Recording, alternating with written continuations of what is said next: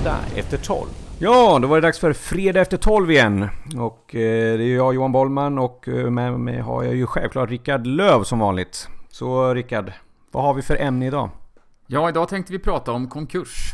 Men gud, vilket fantastiskt ämne. Kanske inte det mest positiva man kan prata om, men eh, med tanke på tiderna så är det ju ändå en realitet för många att vi Många som riskerar att hamna där, många som riskerar att påverkas av det. Eh, både som företagare och som anställda.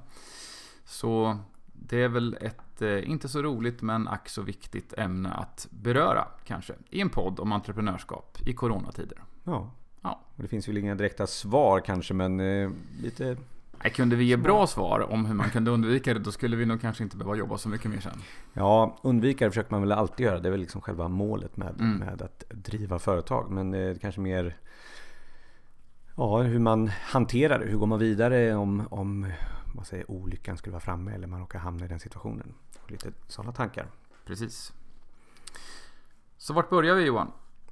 Ja, anledningen att jag eh, tyckte att det här ämnet var lite intressant var ju ena delen därför att som rollen som ordförande i Företagen i Örebro så har jag haft lite samtal med en hel del medlemmar och då har det kommit upp de här delarna. Liksom. Det är att många står inför en likvid eh, kris eh, och eh, även trots de här krispaketen så vet man inte hur man ska klara de närmsta månaderna. Nej. Eh, Och Det har varit ganska mycket kritik mot delar av de här paketen just för att det är så väldigt mycket som handlar om, om lån och att det kanske är det här med att låna sig ur en kris för många inte är ett alternativ. Nej, och även det är ju många bra grejer med korttidspermitteringar och sånt. Korttidspermitteringar, det är långt ord. Men eh, det är kanske också där när, när kommer de utbetalningarna? Det finns inga svar, ingen vet Nej. ju än så länge. Eh, Och det som kommer ta koll på en det är ju inte resultaten utan det är ju likvid, när pengarna är slut på banken. Det är Ja. ju det när man ska betala ut löner och sånt. Och då självklart kommer ju den här eh, otäcka frågan när man ser den där kanske en konkurs hägra i horisonten som man annars eh, har varit långt ifrån.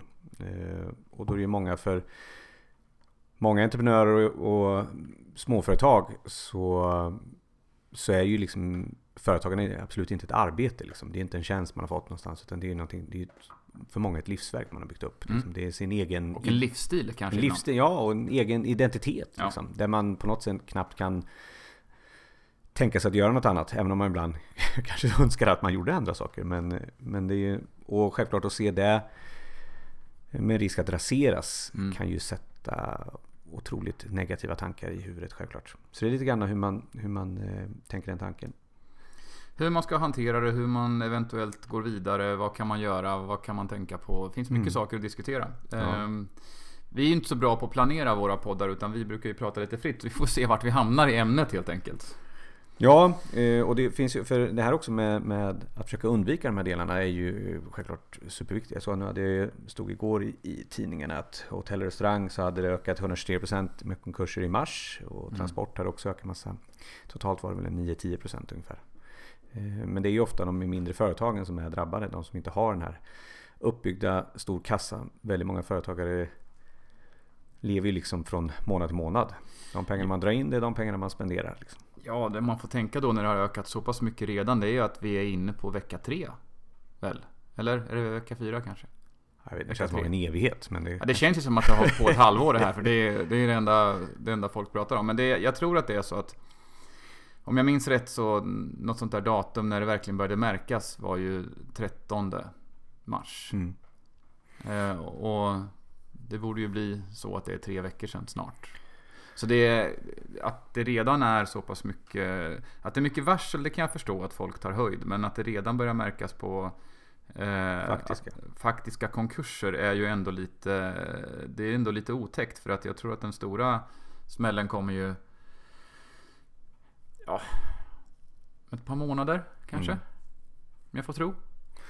Ja, det, det lär ju säkert inte bli bättre på ett tag. Nej.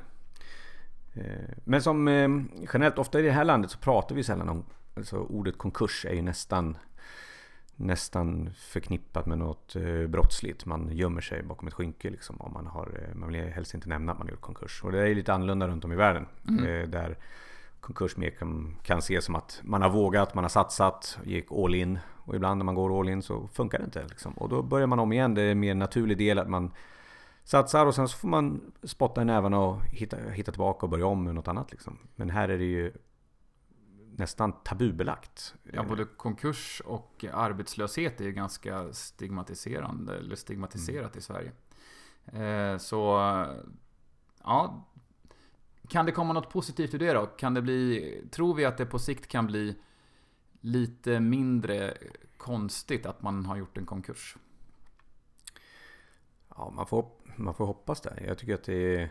Kan förståelsen för att företag går i konkurs av omständigheter som man inte kan påverka, kan den generella eh, uppfattningen öka? Att det liksom inte alltid innebär att du har varit en... Vad man nu, jag vet inte riktigt vad folk eh, i allmänhet tror, men just eftersom konkurs är så pass känsligt ämne så känns det som att det också har med, med prestation att göra. Att du har varit en mm. dålig företagare eller något liknande för att du har gått i konkurs. Vilket ju inte alls behöver vara fallet. Nej. Jag tror det är väl mer i synen på företagande. Vi har väl kanske också i här landet en liten eh, dålig insyn på vad företagen handlar om. Liksom. Mm. Utan generellt sett är man företagare då, eller entreprenör då tjänar man massor med pengar och sen så försöker man eh, lura folk på pengar och så stoppar man undan en massa och så har man. Men ja, 99,9% av de företagen jag känner de, de har lägst lön av alla eh, och de eh, sliter månad på månad för att få den här siffran att gå ihop. Liksom, egentligen. Eh, och på så sätt också ger arbete till många andra. Så att, men vi har en liten skev bild av den här biten och det kanske finns också en en eh, lägre förståelse för, för vad, men varför man går i konkurs. Då måste man ha gjort något mm. riktigt galet. Mm. Men att, jag brukar säga att egentligen är det varje månad en, en konkursrisk för att få ihop den här siffran. Liksom. Ja, när man har jobbat upp lite kapital i bolaget så är man bara tre månader från konkurs. Var, ja, ja, men det är det, ja, men det, är det man kan det. Ja, det nej, men det är en annan sak som kanske många inte riktigt förstår och eh, är insatta i om man inte har drivit företag själv är hur otroligt eh, dåligt skyddsnät det finns för företagare. Om man tänker mm. sig i socialförsäkringssystemet. Att det, eh, det är inte helt självklart att, att man kan eh, få ut a-kassa. Med mindre än att man verkligen har gjort en konkurs eller avvecklat sitt bolag helt och hållet. Det är inte så att man bara kan säga nu går det dåligt, nu stänger vi firman en stund och sen får du a-kassa. Och samma sak att omfattas av sjukförsäkringssystemet med mm. Som företagare kan man ju tvingas att reglera eh, resultatet genom att ta ut mindre lön. Vilket innebär att din sjuklönegrundande inkomst också kan vara väldigt låg. Och skulle du då råka bli sjuk eller påkörd av en bil och inte kunna jobba på en stund så, så har du väldigt lite, eh, lite pengar. Så att man har ju väldigt dåligt skyddsnät som företagare. Och ändå mm. så envisas ju många med att vilja driva företag. Men man gör det ju inte Oftast driver man ju inte företag för att man ska tjäna pengar, utan man har något annat, högre mm. syfte med sitt företagande. Det skulle jag verkligen vilja lyfta som, en, eh, som någonting att tänka på och någonting för folk att försöka få in i sitt medvetande. Att företagare är inte kapitalistiska svin som försöker sko sig på omgivningen, utan man har en annan passion och drivkraft i anledningen till att man driver företag. Definitivt. Uh, och en sak när man... Nu börjar det pratas mycket om konkurser och det kommer säkert som du sa förut bli, bli mycket mer. Så är det den här stora frågan. Liksom, ska man börja tänka tanken generellt? Det finns liksom olika anledningar. Man kan, man kan ha slarvat med ekonomin, man har gjort lite för stora investeringar eller det kan vara en mängd olika eh, situationer. Och nu har vi en helt annan situation som mm. verkligen är eh, opåverkbar. Som, som eh, Ja, den här ligger utanför vår kontroll. Ja, den, men det gör ju inte mindre ont om man börjar närma sig den situationen självklart. Nej. Så det är också den här delen hur man, hur man hanterar det. Liksom. Mm. För jag tror att en, en, en, viktig del är ju den mentala hälsan och jag tror att eh, hur man känner när man är där. Eh, både innan när det närmar sig kanske, om man vet inte riktigt hur man ska hantera det. Och bara den här eh, rädslan inför. Och sen om det väl eh, oturen är framme och man måste lägga in en konkursansökan. Hur, man liksom, hur går man vidare? Liksom? Vad tar man det därifrån? Liksom, är man... Ja, i normala fall så är det ju så att om man, om man som företagare av oavsett anledning tvingas eh, göra en konkurs. Så i de flesta fall så, så kan man ju faktiskt söka ett annat jobb som mm. sitt alternativ. Just nu så kan det ju faktiskt vara så att det är ganska ont om jobb. Mm. Eftersom alla företag oavsett har det väldigt tufft just nu. Och jag har svårt att se att alla kan inte jobba inom offentlig sektor. Nej, det är lite e-handel. Jag såg det om man, folk från hotell och restaurang som hade gått in och jobbat på Apotea på lagret. Ja, och, ja men absolut. Det, det, finns ju självklart de som går. De företag som går väldigt bra i, i, den här, i den här perioden och de kan såklart svälja en del av den ökade arbets eller kompetensen som kommer ut på marknaden på grund av, av eh, konkurser och uppsägningar. Men, eh, men om man skulle backa ett år så var det säkert lättare att, eh, att ta ett vanligt jobb bara. Mm. Nu är det lite brist på jobb. Ja, det blir den. Det, och jag tror att det, den viktiga delen är också att man, man det är lätt att säga liksom att man ska liksom resa sig och gå vidare. Det måste ju liksom få, få göra ont. Och en sak som jag pratar om de företagen som nu har, har drabbats. Liksom, att man eh, tillåter sig vara liksom, säga, nedstämd eller ta den smällen som det är. Och mm. se till att man har väldigt bra personer runt omkring sig. Mm. Eh, det handlar inte om att inte må dåligt över en, en hemsk händelse. Utan det handlar ju mer om vad gör man därifrån och framåt. Liksom. Eh, och hitta ett nytt kall. Eh, för det, jag tror att det är det som är den, eh, den stora känslan för många. Ja, mm. personligen har jag ju, har ju äran, äran får inte säga, att eh, ha gått igenom den här eh, upplevelsen en gång. Ja, du har ju testat det. Ja, jag har testat ja. en konkurs. Jag tänkte, jag kände lite grann att det räcker så. Men ja. eh, man vet ju aldrig. Och eh, det är ju så många olika känslor som, som går igenom. Ett är att man ofta har förlorat allt man har ekonomiskt. Det, är ju, det kostar väldigt mycket att krascha. Det är ena delen. Och sen så är den här stora frågan, speciellt man driver företag kanske i väldigt många år. Det är det man har hållit på med och man har, som jag sa förut, byggt upp en identitet. Ja, att vara för, jag är företagare. Man har byggt upp sitt nätverk, man mm. har byggt upp ja, alla sin kommunikation är liksom att jag är företagare och entreprenör. Och helt plötsligt på något sätt då så är man det inte. Det blir nästan som en identitetskris. Och det är inte så lätt att säga vad ska jag göra nu och vad, ska, vad blir mitt nästa steg? Liksom. Ja, den där är, den där är tuff. Alltså, om, man, om man känner att man förlorar verkligen eh, en del av, en del av det som är jag. Ehm, för min personliga del har jag ju ingen som helst känslomässig koppling till mitt företag på det sättet. Ehm, jag säljer ju min kompetens så att det är inte alls förknippat med varumärket eller några produkter eller en, en lokal, ehm, en logotyp, någonting annat så. Så att jag är väldigt känslomässigt obunden till mitt företag. Men jag har väldigt stor respekt för de som känner annorlunda. Ja, och det är också den delen när man har eh, Är man själv kanske det är en sak. Då liksom lägger man sitt företagande på is kan man säga. Om, det bara, om man är enmansföretagare. Men har man självklart anställda så känner man ju också ofta ett väldigt stort ansvar för, ja, för dem man ja, den har. Ju, den, eh, den, tror jag många upplever som det tuffaste av ja. allt. Eh, man har liksom ansvar för, för en mängd människor och deras inkomster och, och liv liksom, som påverkas. Och, men det är återigen det är, det är den här delen hur man, hur man mentalt, att det går inte att förbereda sig. Men eh, att eh, det är som i alla svåra situationer man går igenom. Det finns liksom alltid ett, ett ljus på andra sidan liksom någonstans. Mm. Eh, men det, men det, den delen tar ju tid och jag kan säga att jag skulle inte ha lyckas ta mig igenom det om jag inte ett hade stöd och support från en fantastisk familj. Eh, två haft eh, väl utvalda personer att, att egentligen kunna mala igenom den här skiten. För det måste malas igenom. Jag tror att det går Vi är ofta inne på det där med nätverket runt omkring. Eh, sen om det är eh, släkt eller vänner spelar egentligen inte så stor roll. Men just att ha, att ha rätt personer runt omkring sig som både kan ge stöd och som kan lyssna och som kan komma med förslag. Men även så ofta handlar det där om att man måste processa. Det här är ju en kris och den mm. måste ju processas och man måste få prata om det och man måste kanske få prata om det ganska mycket. Det är ju egentligen, eh, tänker jag rent psykologiskt, inte så stor skillnad på att, att förlora en väldigt viktig anhörig eller att eh, gå i konkurs. Det är liksom krisen, upplevelsen, reaktionen i kroppen är densamma och hanteringen är ofta ungefär densamma också. Så att eh, en och annan kommer behöva hantera krisen, det kan vi väl vara säkra på. Mm.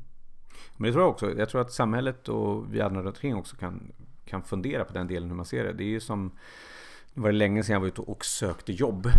Eh, många, många, många år sedan. Men eh, jag valde ju efter min krasch att eh, fortsätta som företagare. dock Mm. som enmansföretagare. Men det var väl den anledningen att jag i mitt fall var det en, ett syfte. Det är att ja, men, finns det någonting, vad är det jag kan bra och vad är det jag kan leverera? Och sen eh, hade jag en eh, sån här lite get even eh, känsla. Att Mm. jag, det är inget annat eller någon annan eller något annat som ska best- bestämma när jag ska sluta vara företagare. Utan det bestämmer jag själv.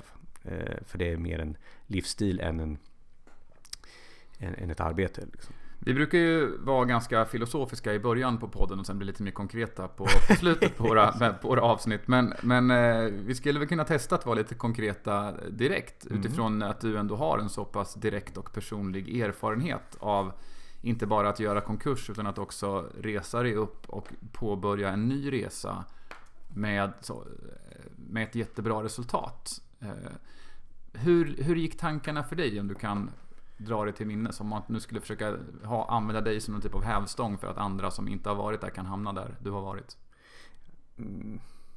Ja, det första blir ju det som jag säger, det första blir ju en sorts identitetskris när man står och har alla de här alternativen framför sig.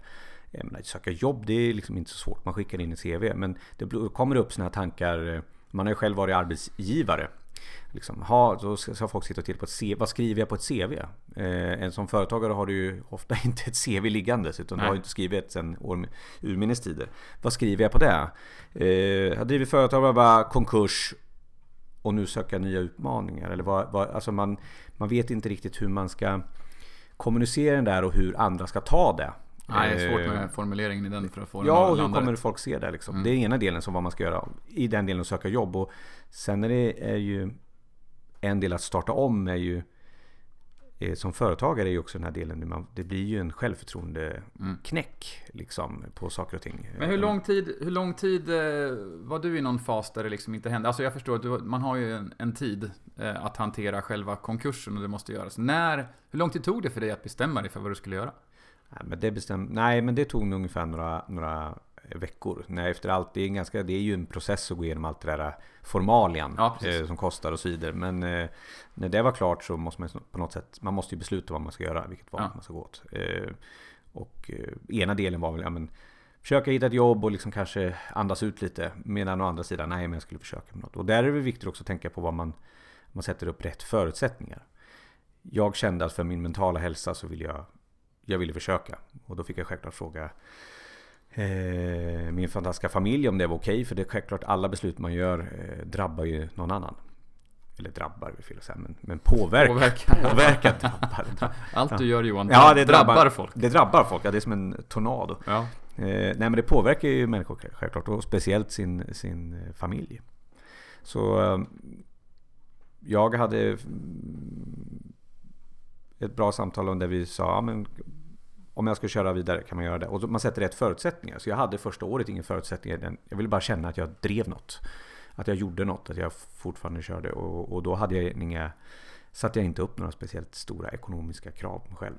Egentligen. Utan det handlade mer om att hitta om man nu kanske inte då gör rekonstruktion och startar om exakt samma sak. Då Mm. är man ju back in business igen. Men i det här fallet så gjorde jag ju om hela Hela mina hela min. Rekonstruktion på livet Ja, och hela min tjänst och vad man ska göra. Och det, det är också den delen. Där är mycket, får ju bli trial and error. Det ju, måste man ge sig själv tid och chansen att, att, att hitta den delen. Liksom. Eh, både ekonomiskt så att man har en plan för så man inte har den här. Man kan inte ha en stress hela tiden heller. Att liksom att, eh, för man har ju hur det gick för innan vad man levererade. Man kanske hade en massa anställda och ganska stor omsättning till att göra något helt annat. Så jag tror man måste ge sig själv möjlighet att, att växa tillbaka igen. Liksom. Just det. det beror ju såklart också på vad man har haft för typ av företag och vad man är bra Självklart. på. Du har ju en ganska bred kompetens eh, Johan, så det är ju jag ska inte säga att det är lättare för dig, men det är... Eh, du, var inte, du är inte jätteinboxad. Nej, fast det blir ändå en, det blir en klurig del att liksom hitta vad man, vad man ska ta sig till att göra. Det tog nog eh, säkert ett och ett halvt år innan jag kände liksom, eh, och det går ju upp och ner den också. För Mm. att det är en, det är en annan del. Men det beror på självklart hur man startar om. Om man liksom kanske hoppar in direkt och köper in sitt företag. Eller man hoppar in och, och bara startar om samma verksamhet som man hade. Det är väl en hel del som gör. Ja, och där kommer vi också in på den, hur den privata ekonomin ser ut. För hur mycket pengar har man om man har någonting undanstoppat som man kan, nummer ett, leva av. För att hyran ska ju fortfarande betalas och man ska ha mat och förnödenheter för familj och sånt där. Så att där måste man ju, det är ju det är såklart en sak att ta i beaktande. Väldigt förstående fru eller man. Ja, så kan det ju vara. Det ju, men jag tänker att det också finns de familjer där man faktiskt sitter med två stycken småföretagare som, som familjeförsörjare. Där, där eh, man går från ett, ja, jag ska inte säga väl, men hyfsat välmående till, eh, till en, eh, någonting som mer liknar en total katastrof och inga, inga intäkter alls. Och då, då måste man agera kanske lite fortare mm. än om man har eh, en stabil inkomst i familjen som åtminstone håller tak över huvudet och mat i magen och basala behov. Mm. Så där är det såklart Ja, det finns så många olika varianter på det här så det är ju jättesvårt. Sen är det, med, man tänker när ska man liksom, nu när det är väldigt besynnerliga tider och många kanske ser den där eh, horisonten borta, att man vet inte hur det blir. Eh, man hör ju dagligdags på TV att ja, men vi har någon en, två månader sen, sen är det godnatt. Liksom, så, att många börjar ju se den där stupet är framme och självklart så börjar det komma upp i tanken. Eh, eh, personligen eh, så, så i, i, min krasch där så, så trodde jag Jag hade inte, tänkte inte tanken förrän den dagen jag pratade med min, advokat som sa att det är bättre att göra så här. Men, men eh, efter det, det måste det, vara skapligt chock, chockartat. ja, ja, fast det var ganska lätt. Gör det nu eller så, så, så är det skattetekniska skäl och massa annat. Ja, det ska vi inte gå in på. Men däremot en sak som jag ger tips och råd om man väl hamnar där. Om man nu ska prata om konkurs, om man nu hamnar där så är det ju att just den här stigmatiseringen, att man är lite rädd för... Jag tror det mesta, alltså det gör ont självt för man förlorar allt. Men en, den, jag tror det som är den största oron, det vad andra ska tycka. Ja. Liksom, andras bild av mig. Skämskudden. Ja, ja, ja och folk ser ju mig som oh, sån här företagare, entreprenör. Eller oavsett mm. hur man nu lever sitt liv. Liksom. Speciellt om man har drivit företag i väldigt många år. Eh, där man oroas för vad andra kommer tycka. Och det där är en, mitt tips. att ett tips för att komma ifrån det som jag gjorde, det var att eh, väldigt öppet tydligt berätta för alla. Eh, jag är med i ett antal nätverk det första jag gjorde efteråt var att eh, ja, hålla en presentation om vad som hade hänt och att hur det var. Liksom. Så att man outar det ganska tydligt utan, att, utan en egen skämskudde. Utan liksom, så här är det. Vad fick du för reaktioner då? Ja, det blir lite chock för många och så blir det mycket klapp på axeln. Varav mycket är mer så här, är bara klapp på axeln. Och så finns det de där personerna som man känner att här är människor som jag kan ha som stödjer en. Det finns, man märker vissa personer som helt plötsligt ringer varje dag och bara checkar hur läget är, hur läget är. Bara för att, bara mm. för att stämma av. Var det många som kom fram och sa vilken sopa du är som gjorde konkurs? ja, det var nej, det var det faktiskt självklart inte. Nej. Man vet ju inte hur många som tänker. Nej. nej. Men, Men vi kan nog förutsätta att egentligen om man är beroende på sammanhang såklart. Mm. Men eh, om man rör sig i kretsar av, av andra entreprenörer så tror jag inte att det är så många som tycker att det är speciellt konstigt ur det perspektivet. Nej. Nej, det är det inte. Det, eh, ofta har man ju den, den oro man har för hur andra ska se på en är ju ofta väldigt, väldigt överdriven mot vad det verkligen är. Eh, ja, folk har ju fullt upp med att fundera på vad andra tycker om mig. så att de har inte tid att fundera på så mycket ja. på vad de tycker om andra. Så att jag tror att, eh, men det är en ganska bra grej att, att outa det och berätta det. Mm. Jag har jag har tagit lite amerikanska perspektivet. Eh, när jag sitter och pratar med folk, nya människor jag träffar så, och man ska dra någon sån här, vet, ja, vad har jag gjort den senaste tiden? Så, så, så är det alltid en punkt liksom. Och, det, och ska jag dra det nu i, i perspektiv som mm. vi pratade om sist. Så eh, självklart, det kostade allt jag ägde och hade. Men ja, det är svårt att peka på exakt vad. Men jag tror jag har blivit en bättre person. Så, mm. att, så att, det tror jag med. Allt, allting ger ju någonting eh, i slutändan när man tittar i backspegeln. Eh, det är bara jäkligt svårt att se vad fan det är som ska bli bättre när man är mitt inne i skiten. Eh, man måste liksom bara vad ska man säga, harva sig igenom den här delen. Eh, mala, mala de där kvarnarna och sen så kommer man ut på andra sidan. Precis.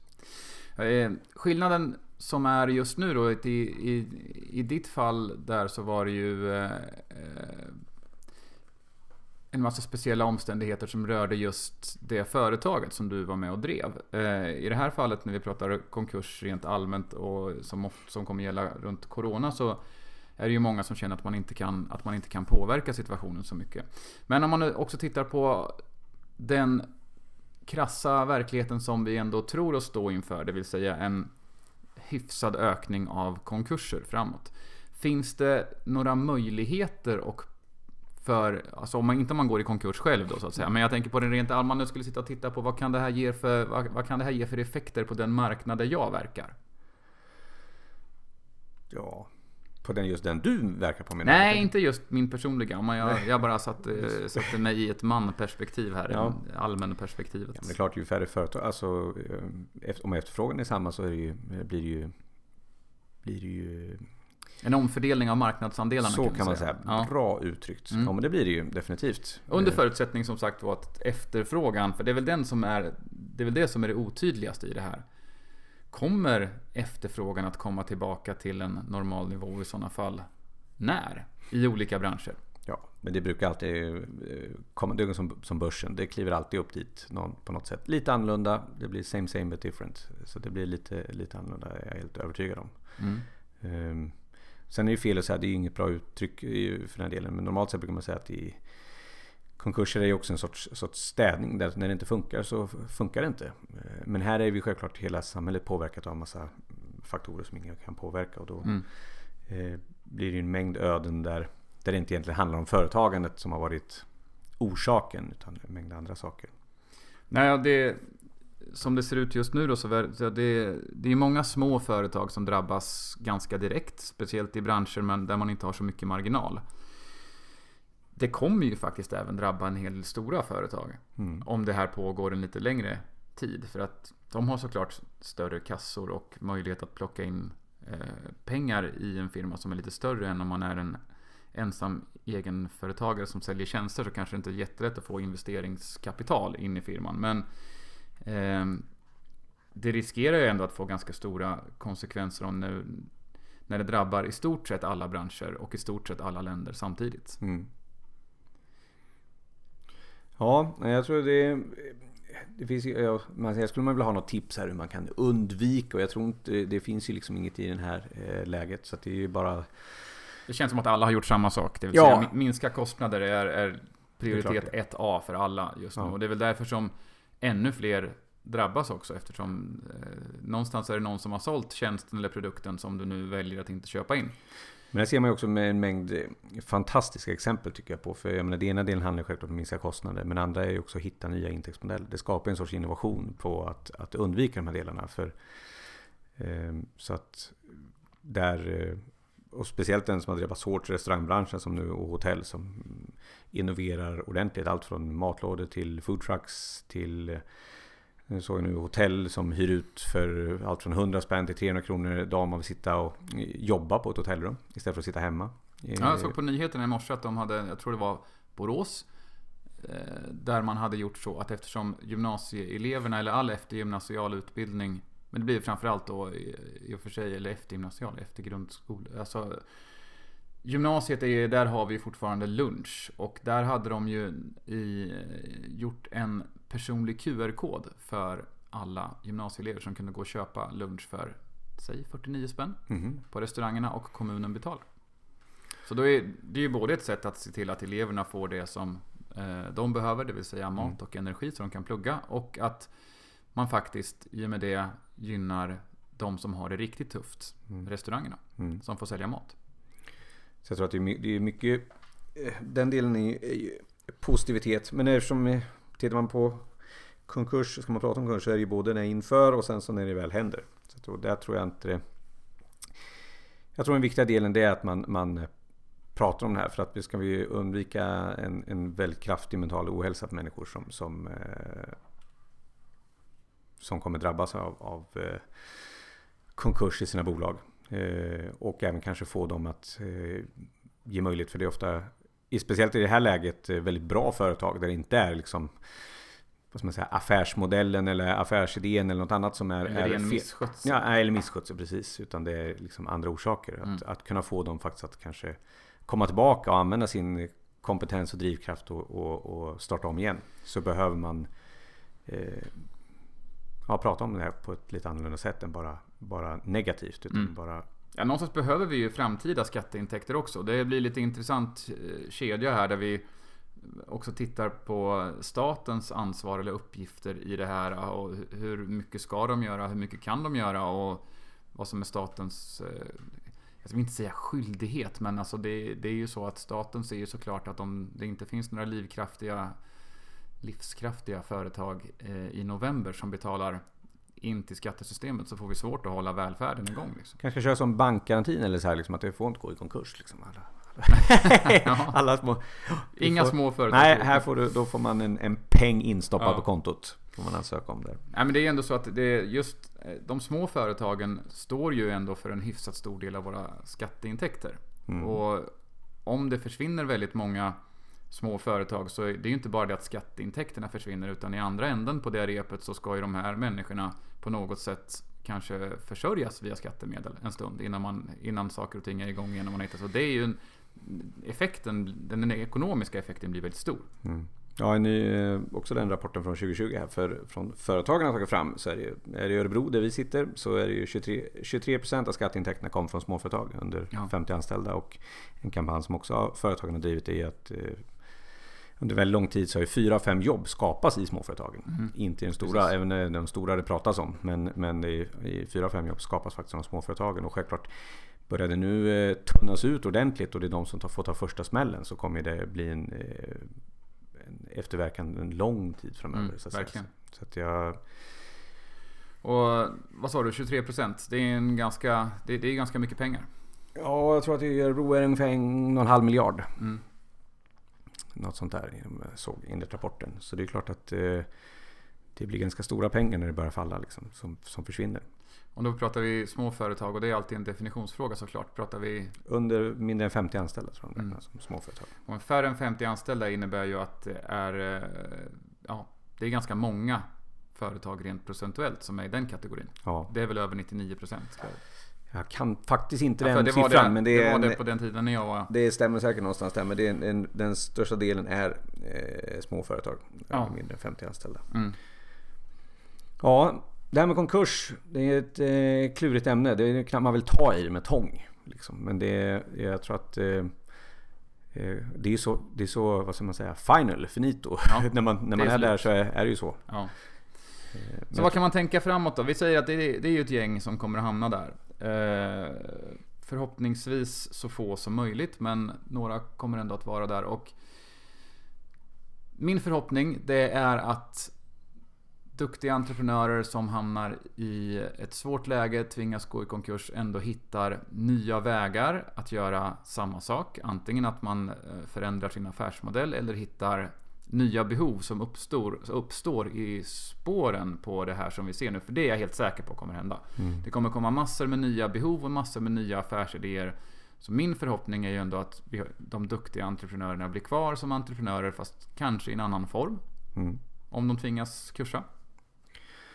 Ja, eh, och mitt tips är till, ja, det, till alla egentligen. Det pratas mycket om liksom alla människor nu som varslas och blir av med jobben och det är jättehemskt. Eh, men oftast som, som arbetstagare så har du ett ganska bra socialt skyddsnät i Mm. mängder av former av saker. Och du har ofta inte förlorat, när du blir av med jobbet så har du inte samtidigt också förlorat alla dina besparingar. Eh, och så är ofta fallet när man, när man hamnar att få göra en konkurs. Att man förutom eh, Förutom att man blir av med det, sin, sin, eh, där man lever på så är det att man kanske också har kostat otroligt mycket pengar eh, personligen. Så man har fått tömt ut allt man har. Och sen så finns det heller inget lika utbrett socialt skyddsnät. Och sen lägger man sen på den här liksom, den mentala eh, biten som gör att man känner sig liksom misslyckad. Eh, och det jag tror är en viktig del att man, man, man har de här diskussionerna med, med ni känner någon entreprenör, företagare, liksom, att man pratar om, kanske bara nämner de här delarna man har tänkt tanken och sen de som har drabbats, att man finns där. Och det ofta är det bara att lyssna. Det finns inget svar att säga och man måste liksom få gå igenom den här processen och hitta tillbaka till någonting, vad det är man tycker är. En del av den där processen att komma vidare och, och är ju att tugga sig igenom den, eh, få prata om den och att eh, hitta svaren på vart man ska ta vägen Ja. i den processen. Och just att det blir den här, vilket är mitt då, att det inte blir det här som man går och, och gömmer sig och kryper runt i skuggorna liksom, utan att man att, att man får prata ut om att det inte är så jäkla konstigt liksom att det, det liksom, det är bara ett företag som har lagts ner. Man står upp fortfarande och sen får man liksom Även om det är lättare sagt än gjort Men att man, jag tror för mig har det varit att prata om det har, har eh, lett framåt. Yes. Bra.